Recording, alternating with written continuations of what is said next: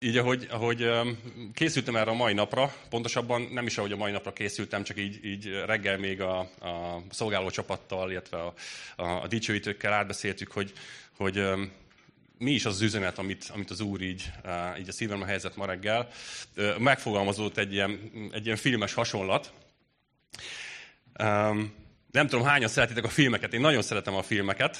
Tegye fel a kezét, aki még ilyen filmes nagy filmfogyasztó. Jó, mondani fogok nektek két, két filmet, két filmcímet, és uh, uh, elég különlegesek ezek a filmek. Valahogy, de nem is mondom el, hogy mi a különleges bennük, megmondom a két címet. Az egyik az a Memento. Nem tudom, látta valaki? Guy Pearce. Ez nem a keresztény filmklub, jó? Tehát, hogy Memento az egyik. A másik pedig a, a, a, a hogy is hívták? Benjamin Button különös élete. Megvan? Na, megvannak ezek a filmek? Ne, nem minősítsük, hogy milyen a film. Van egy, van egy közös pont ezekben a filmekben, és mégpedig az,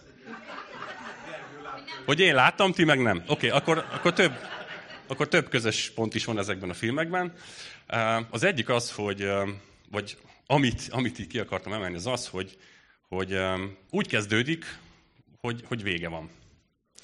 A Memento is úgy kezdődik, az, az, hogy az áróképpel kezdődik, és egy, ez a srác egyébként a főszereplője egy, egy amnéziában szenvedő ember, aki nem emlékszik semmire, és így, így kockánként rakja össze az életét, és, és így vezeti föl a film ezt az egészet, hogy a végére értjük meg, hogy na miért, miért volt az eleje. Na mindegy, ez így a végével kezdődik, és a Benjamin Buttonnak a különös élete pedig uh, úgy kezdődik, hogy egy, egy, megszületik egy kisbaba, aki, aki kvázi egy, egy halott öreg, és így, és így a kor előrehatával fiatalodik meg. Na, egy nagyon elvont és, és abszurd sztorik. Minden a lényeg a lényeg, hogy az a közös bennük, hogy úgy kezdődik, hogy, hogy először vége van. És most lehet, hogy nem értitek, remélem, hogy a végére majd megértitek, hogy miért, miért hozta. Ha jól csináltam, akkor megértitek. Ha nem, akkor, akkor még elbeszélgetünk itt a végén, és megpróbálom kifejteni. Jó? Um, Na ennyi bevezető után így szeretném összekapcsolni ugye a múlt heti tanítása is, ugye legutóbb a, a Szentélek ajándékairól tanultunk, ugye megtudtuk, hogy 19 ajándékot említ a Biblia, és nagyon tetszett ez a hasonlat, hogy az állati küldetésből vett példa, hogy mint Kriszt és Mártinnek az állati erő korongjai és ilyen felvérteződnek olyan képességekkel, ami, ami alapvetően nincs bennük, és hogy hasonlóan, hasonlóan működik a, a Szent Szellem is bennünk, így felruház ilyen képességekkel, ilyen ajándékokkal. És um, uh, ma az egyik, ma az egyik ilyen, ilyen ajándékkal fogunk foglalkozni, ennek a megnyilvánulásával, ennek a, ennek a, a szerepével.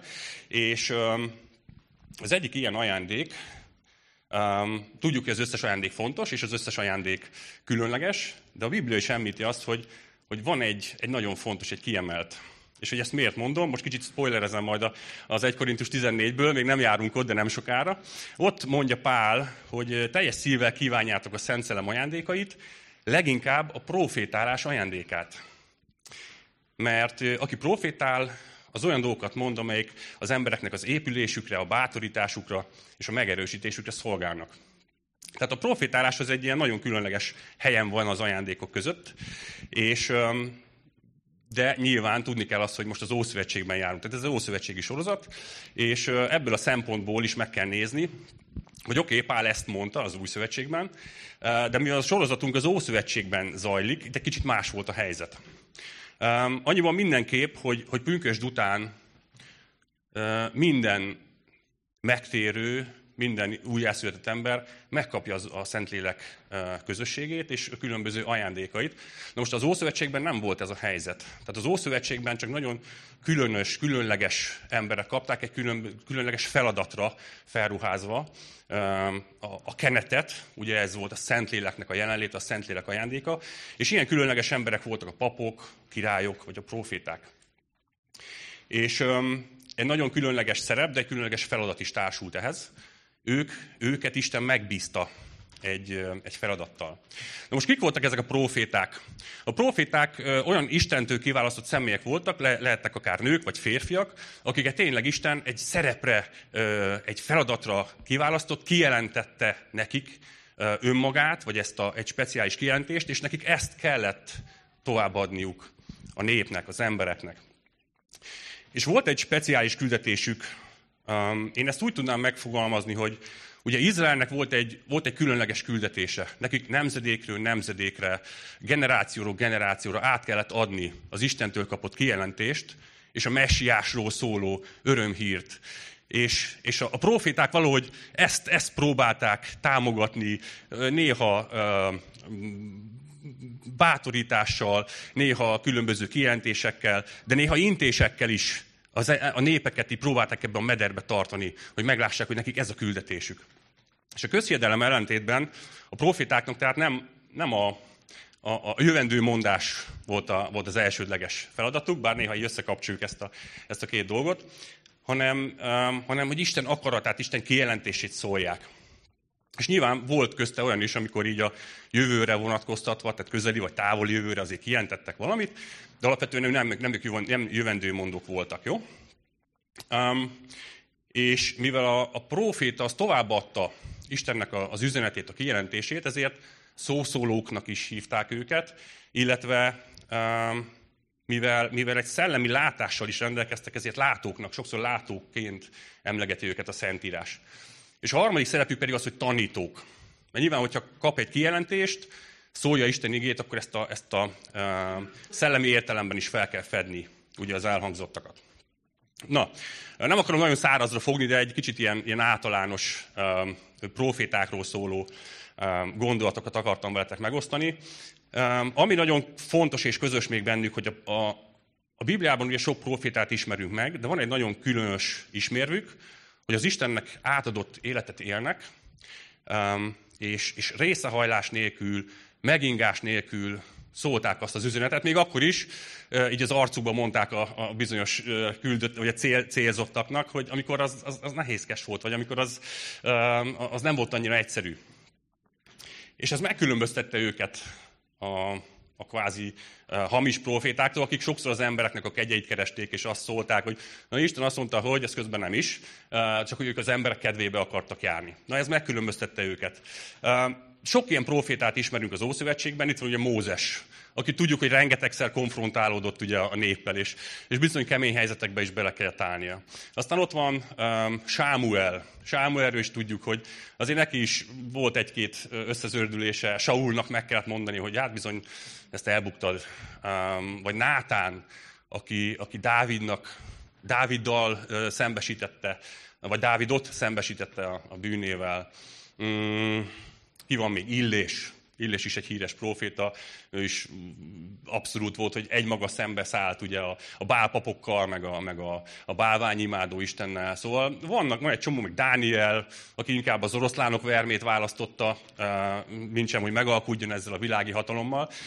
És na egyébként Dániel és Illés, ez, ez a név gyakran elhangzik nálunk is. Tehát nem azért, mert hogy ószövetségi profétákat emlegetünk otthon, és így az ókori tekercseket nézgetjük, így hívják a két fiunkat egyébként.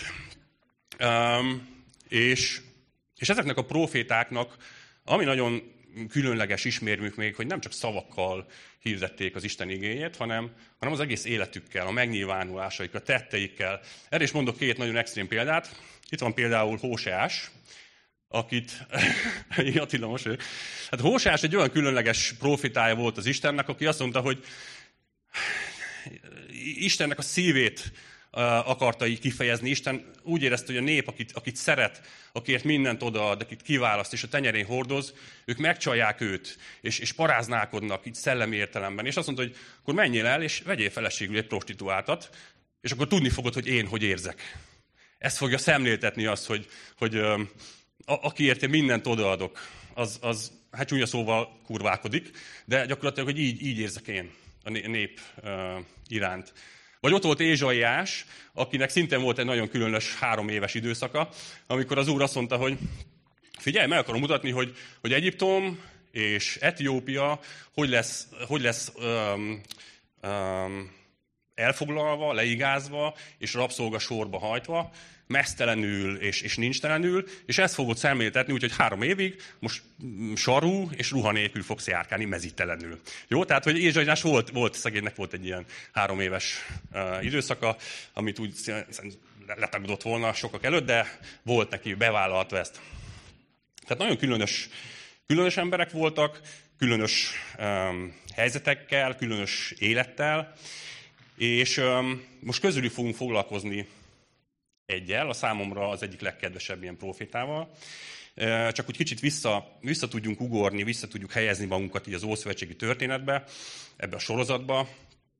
Nem tudom, hány emlékeztek még a nyár előtti részek, részekről, vagy a részeknek a történetével, hogy időbe hogy tudjuk belehelyezni magunkat.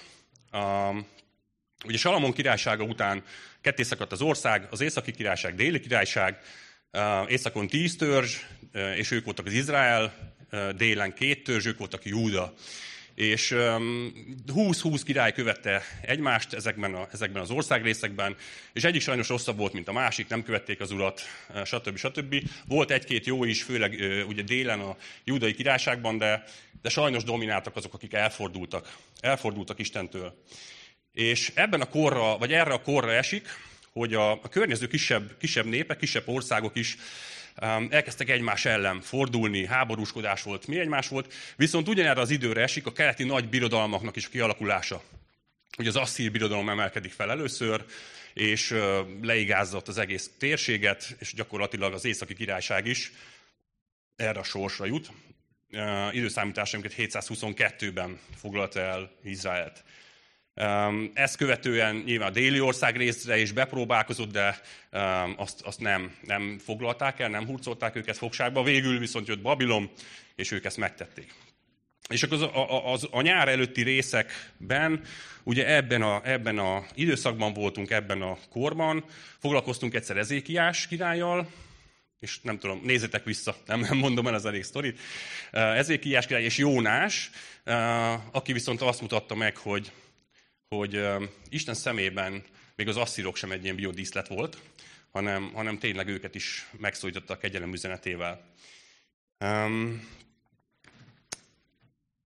és ugye mondom, hogy ugyanebben a korban maradunk, kicsit itt Ezékiás királynak az időszakában, és hányan emlékeztek rá, hogy volt, volt egy proféta mellette, aki, aki megprofétálta azt, hogy a támadások, az asszír támadások során jött a fölvont a hatalmas seregével, túlerőbe voltak, viszont jött ez a proféta, és azt mondta, hogy ő nem fogja legyőzni most Jeruzsálemet, egy nyilatselő király, és elvonul, elkullog vesztesen. És ez be is jött, tehát így is, így is történt.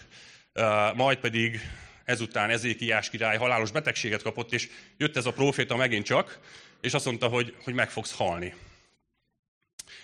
Majd a király leborult az úr elé, és, és tudjuk a történetből, hogy, hogy megváltoztatta a véleményt az úr, és azt mondta, na, fordulj vissza, gyorsan mondd neki, hogy nem hal meg mégsem, kap még 15 évet. És, és ez nyilván egy hálásabb feladat volt, de átadta, átadta Isten üzenetét. Ő volt Ézsaiás, ha még nem találtátok ki. Tehát Ézsaiás ez a, ez a különleges, uh, különleges proféta.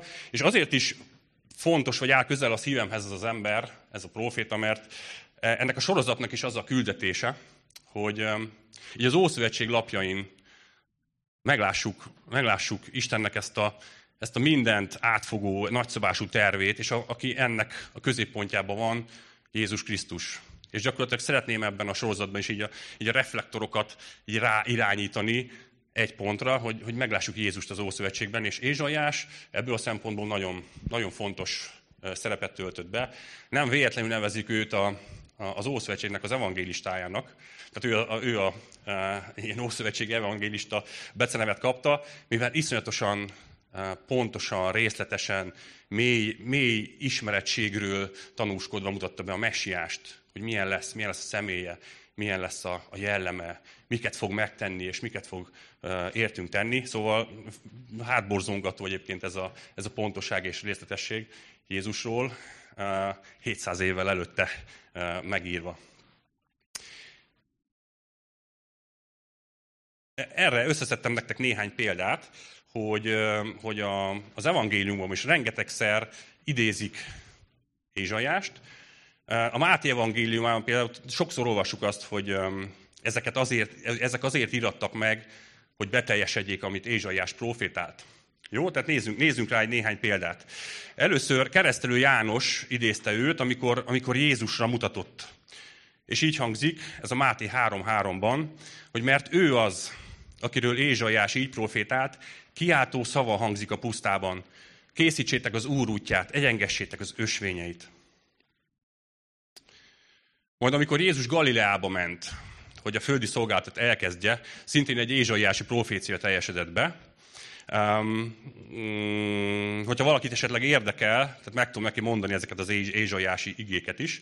Jó? Tehát ez a Máté 4.13-ban így hangzik, majd elhagyta Názáretet, elment és letelepedett a tengerparti Kapernaumban, Zebulon és Naftáli területén, hogy beteljesedjék az, amit Ézsaiás profétált, Zebulon földje és Naftáli földje, a tenger melléke, a Jordánon túl, pogányok Galileája, a nép, amely sötétségben él, nagy világosságot lát, és akik a halál árnyékának földjén élnek, azoknak világosság támad.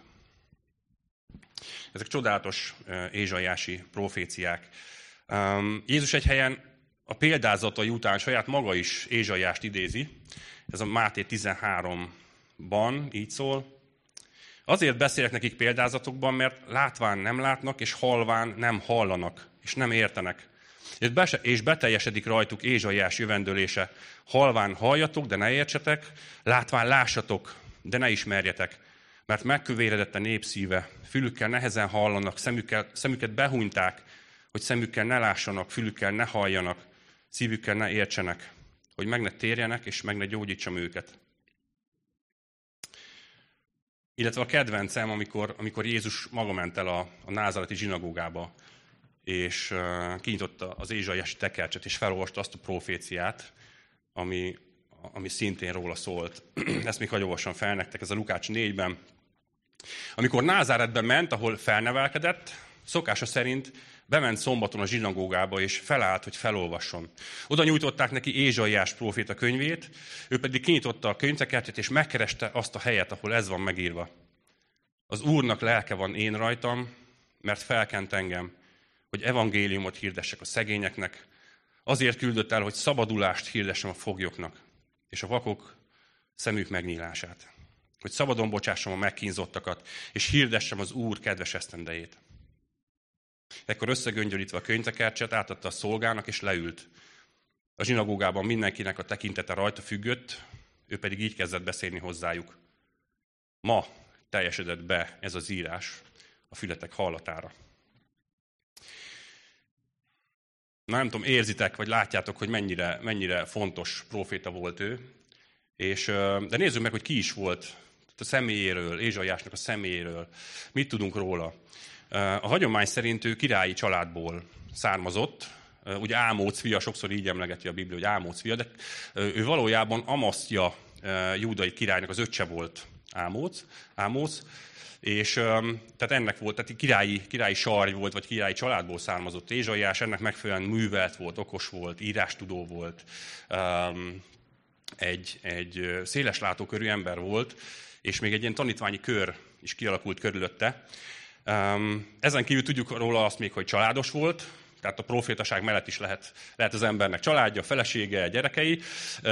A felesége is proféta asszony volt, és a gyerekei, hát, hogy is mondjam, ők is ilyen profetikus neveket kaptak. Az egyik fiát képzeljétek úgy, hívtak, hogy, úgy hívják, hogy, vagy úgy hívták, hogy a maradék megtér. A másik fia még rövidebb nevet kapott, hamar a zsákmányra, gyorsan a prédára. Hát mindenki gondoljon, ott akar, tehát ilyen neveket kellett adni a, a, a gyerekeinek.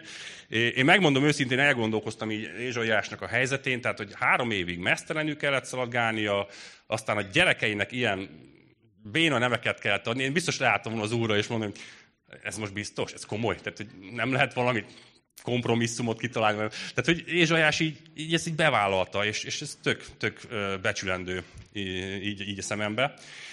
Um, és most pedig egyetlen egy dolgot szeretnék kiemelni az ő életéből, és ennek a tanításnak a középpontjába tenni, eh, az az, ahogy, ahogy az Úr őt elhívta, ahogy kiválasztotta erre a szolgálatra, ahogy, ahogy az egész elindult. Izsaiás meg is nevezi ezt az időpontot, ez um, Uziá király halála évében, tehát ez, ez Krisztus előtt, illetve időszámításunk előtt uh, 740 táján történt. Tehát ő egy ilyen 25-30 éves korom környékén lehetett Ézsaiás. Ott betűk lőni egy ilyen fiatal, fiatal srác. És mondom, lassan összeáll a kép a, a, a bevezetőm mondandóját illetően. Jó, remélem, hogy ez majd, majd odaérünk, akkor ez tényleg összeáll. Tehát ez az elhívása egy nagyon különleges elhívása volt, és ez az elhívás meghatározta neki az egész életét, az egész személyiségét, a, a, a, a profétai tevékenységét. Egy nagyon-nagyon különleges életet élt ő ezután, és minden innen indult, ez volt az origója, egy találkozás. Nyissuk ki a, a Bibliánkat, hogyha van nálatok Biblia, az Ézsaiás 6 leszünk, és az első verstől kezdem olvasni. Tehát Ézsaiás 6.1. Uzziá király halála évében láttam az urat, amit egy trónon ült. Magasztos volt és felséges, halástja betöltötte a templomot. Ézsaiás itt, itt bemutatta, hogy milyen egy, milyen egy igazi Isten élmény. Hogy ez nem egy, egy, egy jó hangulat, vagy egy ilyen bizsergető érzés, vagy egy uh, ilyen, ilyen kellemes, uh, nem is tudom, minek nevezzem, hanem egy, hanem egy valódi szemtől szemlé találkozás az Istennel. És ugyanolyan élménye volt, mint hogyha olvassuk a, az írást, a Bibliánkat, uh, olvassuk, akkor láttunk benne még ilyen találkozásokat. Tehát ugyanígy látta őt Jobb, ugyanígy látta őt um, Jeremiás, vagy Dávid, vagy Ezékiel, uh, vagy Dániel, vagy éppen János, János apostol ugyanígy látta őt, és, és ha megnézitek, hogy ezek a, ezek a találkozások között évszázadok, vagy akár évezred is eltelt, de mindegyik ugyanígy érte ezt a találkozást, mindegyik ugyanígy látta az Urat. És ez nekem annyira egy, annyira egy megerősítés, hogy ilyen, ilyen a mi Istenünk állandó, és, és ő uralkodik, és, és um, ahogy, ahogy leírja ezt az egész találkozást, hogy, hogy um, milyen volt az Isten, hogy fenséges, hogy dicsőséges, um, emberi szavakkal szinte alig lehet kifejezni. Ugye Palázsi elképezte a dicsőséget és a hatalmat, és hogy ez betöltötte az egész templomot, hatalmas palástja volt, és, és, és a trónon ült, tehát ő uralkodik. És ezt sokszor annyira nem, nem tartjuk szem előtt, és, és nem helyezzük oda a trónra Jézust, de ő, de ő uralkodik, ő a trónon ül. De olvassuk tovább. Szeráfok álltak mellette. Hat-hat szárnya volt mindegyiknek. Kettővel az arcát takarta el, kettővel a lábát takarta el, kettővel pedig repült. Ezt harsogták egymásnak felváltva. Szent, szent, szent a seregek ura. Dicsősége betölti az egész földet. A hangos kiáltástól megremegtek a küszöbök eresztékei, és a templom megtelt füsttel.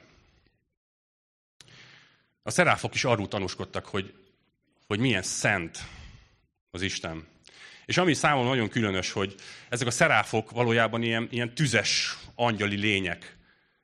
És ők pedig, tényleg ők is tiszták, és, és, és tökéletesek, de, de még ők is az Úr jelenlétében nézzük meg, annyira beszédes, hogy ők hogy, hogy viselkednek.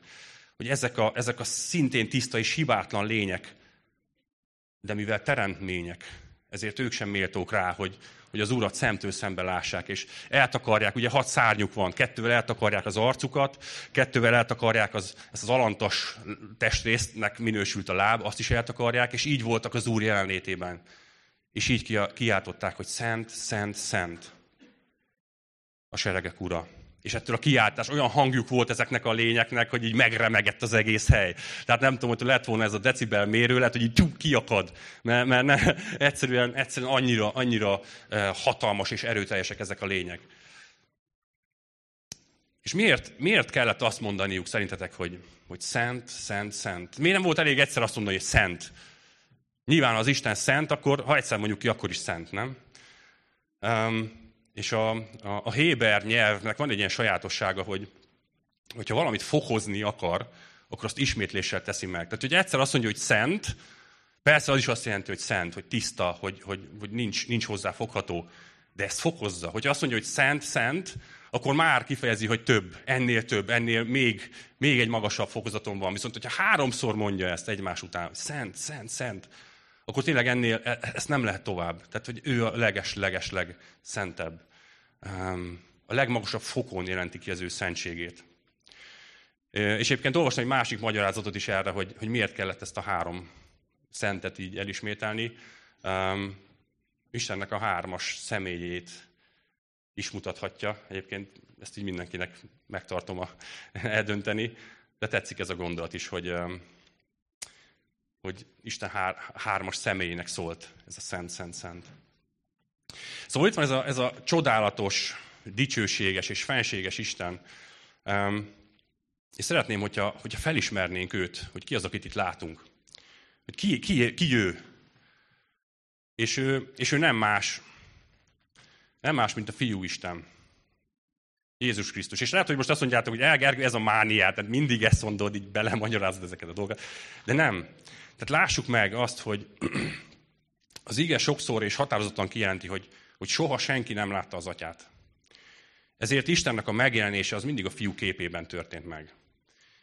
De hogyha, hogyha ez az általános magyarázat nem lenne elég, akkor hoztam nektek még egy bizonyítékot. Ő pedig János, aki eloszlat tényleg minden kételyt, és a János 12.41-ben szintén idézett egy ézsaiási szakaszt, ezt majd olvassátok el otthon. Ez gyakorlatilag Jézus mondta meg magáról, és Ézsaiás pedig így leírta.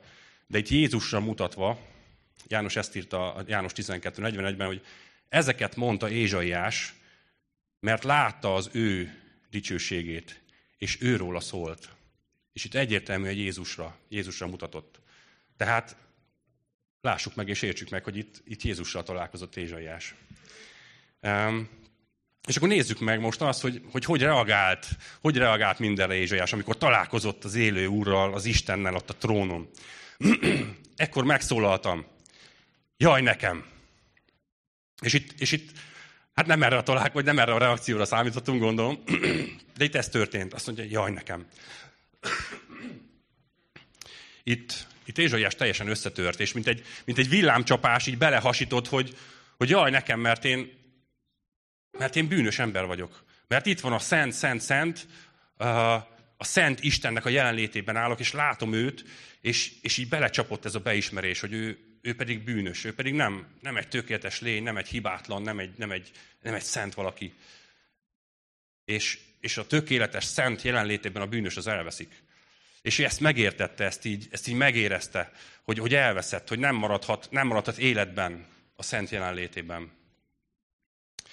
És itt szeretném, hogyha megállnánk egy pillanatra, és, és meglátnánk azt, hogy, hogy mi volt az előző, előző fejezetben, ezt most nem olvassuk fel, csak elmondom nektek, hogy, hogy Ézsaiás is, ugye sok más profétához hasonlóan, de ezt, a, ezt az Istentől elfordult, hűtlen és paráz, paráz nemzedéket, ezt így, így figyelmezteti sokszor, hogy, hogy bizony következményei lesznek ezeknek a, ezeknek a bűnös dolgaitoknak, és, és az istentelenségeiteknek. És Isten úgyis megígérte, hogy hogyha nem követitek az én parancsaimat, nem, nem az szeretetemben éltek, és elfordultok tőlem, akkor ennek lesznek következmény, és akkor elvetlek titeket, akkor nem maradtok meg az ígéret földjén.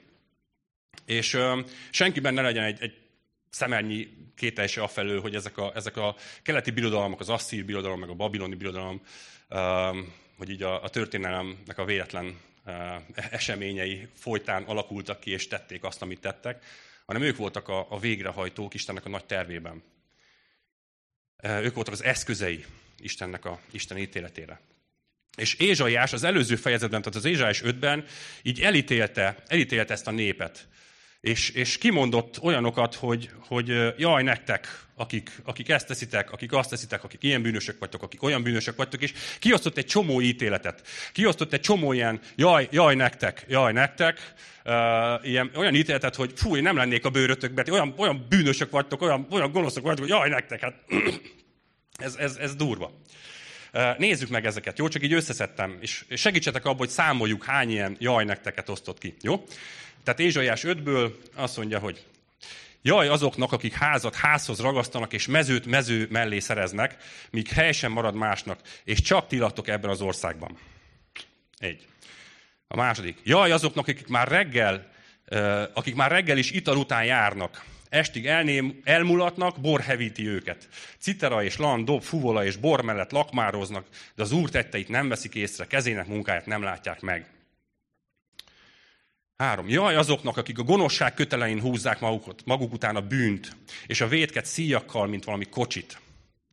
Hajnaliköm? Négy. Jaj azoknak, akik azt mondják a rosszra, hogy jó, és a jóra az, hogy rossz. Akik a sötétséget világosságnak, a világosságot pedig sötétségnek mondják. Akik azt állítják a keserűről, hogy édes, az édesről pedig azt, hogy keserű.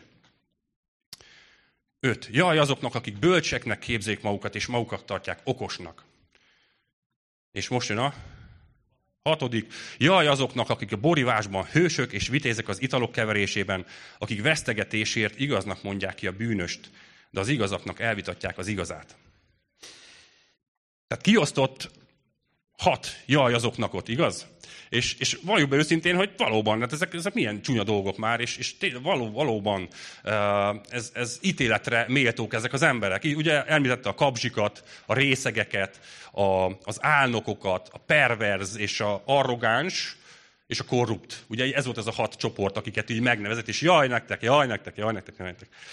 De ahogy az előbb a, a háromnak is volt jelentősége, kicsit kezdek bele, belejönni, tehát ahogy az előbb a háromnak is megvolt a jelentősége, a szent, szent, szentnek, ugye, most ennek a, ennek a hatnak is megvan a jelentősége.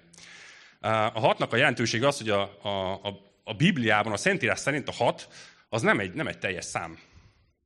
Ugye nem véletlenül um, van, vannak ezek a, ezek a mondások, hogy, hogy um, ugye Jézus kérdezik, hányszor kell megbocsátom? Hétszer is? Nem, még hetvenszer, hétszer is. Tehát a, a hét volt a teljes szám. Tehát a, ez a, a, a hét tengeren hajóznak. Egyébként a magyar nyelve is bejött ez a, ez a hét, tehát hogy a hetet hét határon túl, meg a hét mérföldes csizma, meg a he, hét, hét tehát értitek? Tehát az a hétnek megvan a jelentőség, a hét fejezte ki a teljességet. Hat, a hat az nem teljes. A hat az olyan, hogy abból valami hiányzik. De és hol a hetedik? A hetediket ezt megtaláltuk itt a templomban. Amikor találkozott Ézsaiás, ő maga, az élő Istennel, akkor ott jött meg a hetedik jaj. És az már nem másra mutatott. Eddig ugye kiosztotta, hogy jaj neked, jaj neked, jaj neked, jaj neked, jaj neked, jaj neked. És a hetedik jaj, az jaj nekem. Értitek? A többi az már nem számított, mert jaj nekem bűnösnek.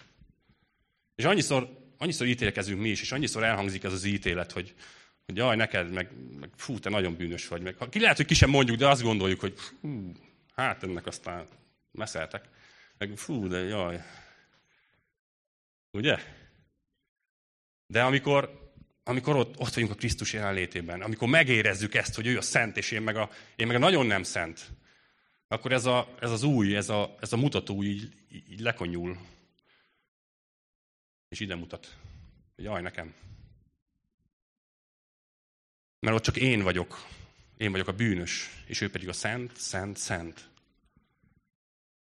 És hogyha ezt, ezt megérezzük, hogyha ezt átéljük, ezt megtapasztaljuk, akkor többé nem azzal fogunk foglalkozni, hogy nem az lesz a küldetésünk, hogy, hogy, hogy a másokat így, így nem tudom, elítéljük, meg, meg minősítsük, meg, meg nem tudom, mindent, mindent is próbáljunk így megoldani, hanem az, hogy, az, hogy én az Istennel kapcsolatban hogy fogok megállni, hogy fogok előtte megállni. Többi nem elítélünk másokat, mert rájövünk, hogy mi, mi vagyunk ítélet alatt. És itt mit mondott Ézsajás? Így folytatja, hogy elvesztem.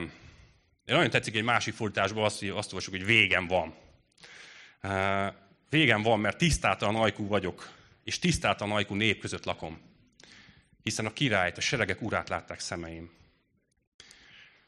És ami figyelemre méltó itt az, hogy, hogy Ézsajás a, a száját, az ajkait nevezi meg, holott ő egy tanult ember, tök szépen beszélt, és, és, és ez volt a foglalkozása, és, és mégis azt, azt nevezte meg, hogy jaj, nekem meg tisztáltan az ajkam. Sokszor, amit, amit a legnagyobbra tartunk, a legbecsesebbre tartunk, ugye az, az bizonyul a leg, legálnokabbnak, vagy a leg, leggyengébbnek.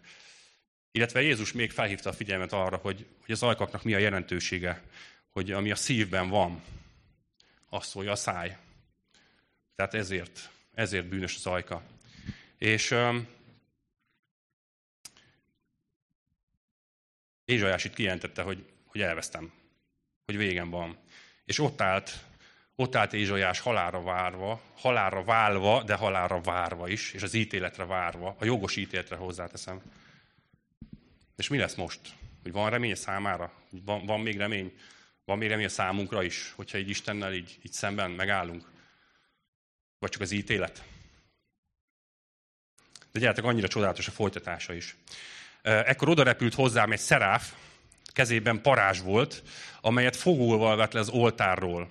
A számhoz érintette, és ezt mondta, íme ez megérintette ajkadat, bűnöd el van véve, vétked meg van bocsátva.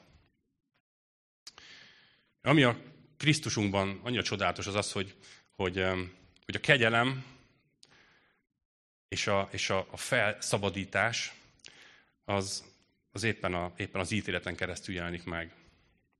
Hogy a remény, értitek, a remény, az pont az ítéleten keresztül mutatkozik meg. És ez ellentmondásosnak hangzik, de, de Isten az ilyen, az ilyen ellentmondásoknak az Istene. Ugye mindenki tudja azt, vagy remélem, hogy tudjátok azt, és, és, és találkoztál már ezzel a paradoxonnal, hogy, hogy Jézus halála adott nekünk életet. Hogy az ő elveszettsége által találtattunk meg. Hogy a kereszt, amelyik egy, egy, egy nagyon brutális és a, a kornak a legkegyetlenebb kivégző eszköze volt, azt hozott nekünk gyógyulást. Isten ezeknek a paradoxonoknak az Istene, ezeknek az ellentmondásoknak. És itt ugyanígy ez a parázs, ami, ami ott égett az oltáron, és azért égett ott az oltáron, hogy bűnt elégessek bennünk, vagy rajtunk, vagy minket, velünk együtt. Tehát ez az ítéletnek az eszköze volt.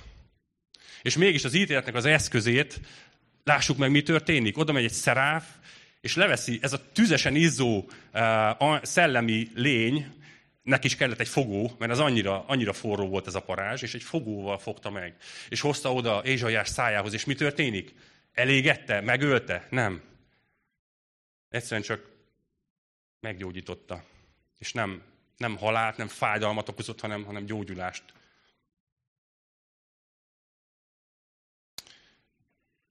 Azért, mert, mert ezt a szenvedést, ezt a, a bűneinkért járó fájdalmat, azt Jézus vállalta helyettünk. Ő vállalta ezt a szenvedést. És itt, és itt Krisztus jelenlétében a bűneinket felismerve, és ezt az elveszettségünket belátva, az ítéletre várva, hozzáteszem a jogos ítéletre, itt jön a kegyelem. Itt jön a gyógyulás, itt jön a, itt jön a megváltás, itt jön a helyreállás. Isten ezeknek az ellentmondásoknak a, a csodálatos Istene. Ítélet helyett kegyelem, halál helyett élet,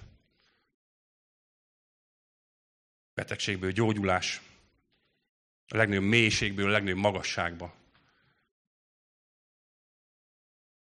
Spurgeon mondta egyszer azt, hogy, hogy ez, a, ez a végen van állapot, ez valójában nem is olyan rossz.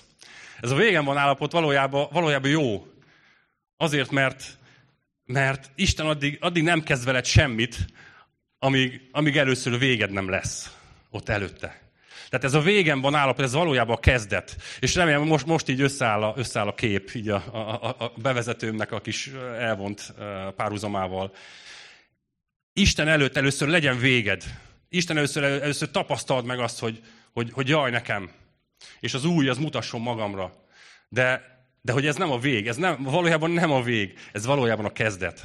Isten így tesz, így indít el, így, ez a nulladik fázis, ez, ez az első pont legyen először véged, és akkor tud veled utána kiteljesíteni, foglalkozni. És onnantól kezdve ne félj a vele való találkozást. Onnantól kezdve a vele való találkozás az nem ilyen az, hogy jaj nekem, hanem örömteli, és, és, és csodálatos, és, és, és bármikor megteheted ezt. De ehhez meg kell ezt élni. Ezt nem spórolhatjuk meg, ezt nem lehet, nem lehet megúszni.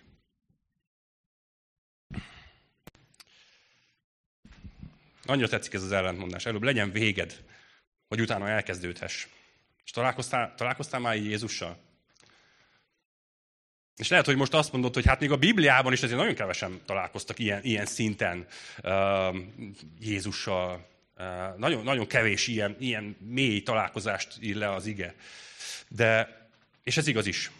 De, ugye Jézus függetlenül attól, hogy látjuk-e vagy sem, ő közel jön hozzánk. És, és valójában találkozhatunk vele. És ezt szeretném, hogyha így megértenénk, hogy, hogy lehet, igenis lehet ilyen találkozásunk vele. Az ő, az ő jelenlétében, az ő szent jelenlétében, amikor megértjük, és meglátjuk, hogy ő, hogy ő milyen, és meglátjuk, hogy mi milyenek vagyunk. És, és átélhetjük ugyanazt, mint Ézsaiás. Nem tudom, hogy vágytok erre, vagy, vagy, vagy nyilván aki átélte, az tudja, hogy miről beszélek. De azt szeretném, hogy így vágyakozzunk erre a találkozásra. És azért fontos ez, mert addig nem tudsz elkezdődni. És azért mondom ezt ilyen biztosan, mert, mert én is ezt átéltem. Átéltem, amikor, amikor találkoztam ővele a Szentel, és, és beláttam, hogy, hogy bizony nem, nem másokra kell itt mutogatni magam körül, hanem önmagamra. És annyira jó volt, hogy ott, hogy ott, hogy ott végem volt. És ebben a találkozásban, ebben a, ebben a nagyon, nagyon intim, de nagyon, nagyon erőteljes találkozásban itt érted meg, hogy mi is a kegyelem. Itt érted meg, hogy miért volt szükség a keresztre. Itt érted meg, hogy mit tett Isten érted, és hogy milyen, milyen hatalmas az az Isten, és hogy milyen kicsivé lett érted, és hogy mi mindent magára vett azért, hogy nekem életem lehessen. És itt érted meg ezeket az ellentmondásokat, és onnantól kezdve így kitisztul az egész. És, és, és tök jó lesz így ezt így, így megélni és megérteni. Hogy bűnös voltál, de most tökéletesen tiszta vagy. Hogy véged volt, de most egy új kezdet indul. És ezt hívják, ezt hívják újjászületésnek. És most arra szeretnék búzítani, hogyha, hogyha, hogyha hallottál Jézusról, meg van róla tudomásod, vagy tudásod, de nem volt meg ez a mély találkozás, akkor, akkor akard ezt a mély találkozást, akkor, akkor keresd ezt a találkozást, és, és adj, neki, adj neki lehetőséget. És ne félj tőle, mert ez egy új kezdet lesz. Um, és még egy, még egy um, igeversünk van. Mi történt ezután? Ezt mondta, majd az Úr szavát hallottam, amint ezt kérdezi. Kit küldjek el? Ki lesz a követünk? Én azt mondtam, itt vagyok, engem küldj. És Isten ma is felteszi ezt a kérdést.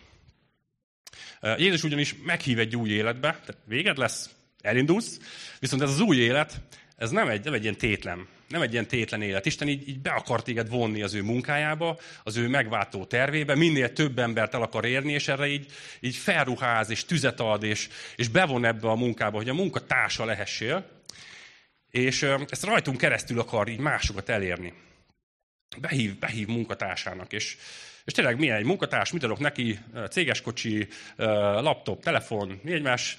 Ja nem, de a Szent Szellem ajándékait adja, ugye? Még, ez a még jobbak. Ezeket adja nekünk, mint a munkatársainak, hogy ezeket használjuk, és, és, és, és végezzük az ő munkáját. És, és nem erőltet ránk mindeközben semmit. Hogy ez, hogy ez tök önkéntes. Azt megkérdezi, hogy kit küldjek el. Tehát nem azt mondja, hogy na most ez történt veled, Ézsajás, most akkor fogod magad, és csinálod a dolgodat. Nem, nem, nem. Megkérdezi tőle, hogy kit küldjek el. Ki lesz a követünk?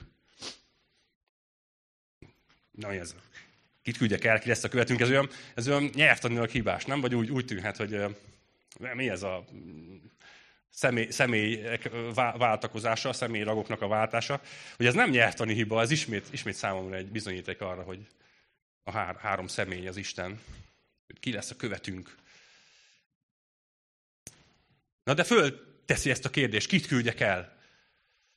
És ne legyen, ne legyen senkinek egy szemennyi kételj abba, hogy, hogyha átéltél egy ilyen szabadulást, hogyha megélted ezt a csodálatos kegyelmet, és, és, és, és, és gyakorlatilag megtisztultál az ő jelenlétében, átélted ezt az újjászületést. És hogyha így jön ez a kérdés, hogy kit küldjek el, hát mint egy kisiskolás az első padba, így elkezd, engem, engem, engem, engem. Küldj engem. Az Isten iránti szeretet és hála egyszerűen erre ösztönöz. És um, ezt látjuk, hogy Ézsajás a Jézussal való találkozása az teljesen megváltoztatta az életét. A Biblia egyik legnagyobb profétája lett, egy teljesen átadott életet élt, nem problémázott, hogy hogy nevezze a gyerekeit, meg kell az a három év pucéran. Tette a dolgát egész életében. És ez ma sincs másként. Már nem azt mondom, hogy nekünk... Nem arra gondolok, hogy nekünk is, hogy eljönnek ezek az időszakok, Isten szól, na vedd le azt a...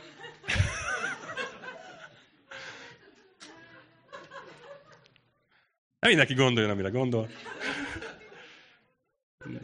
Mindenki arra gondolt.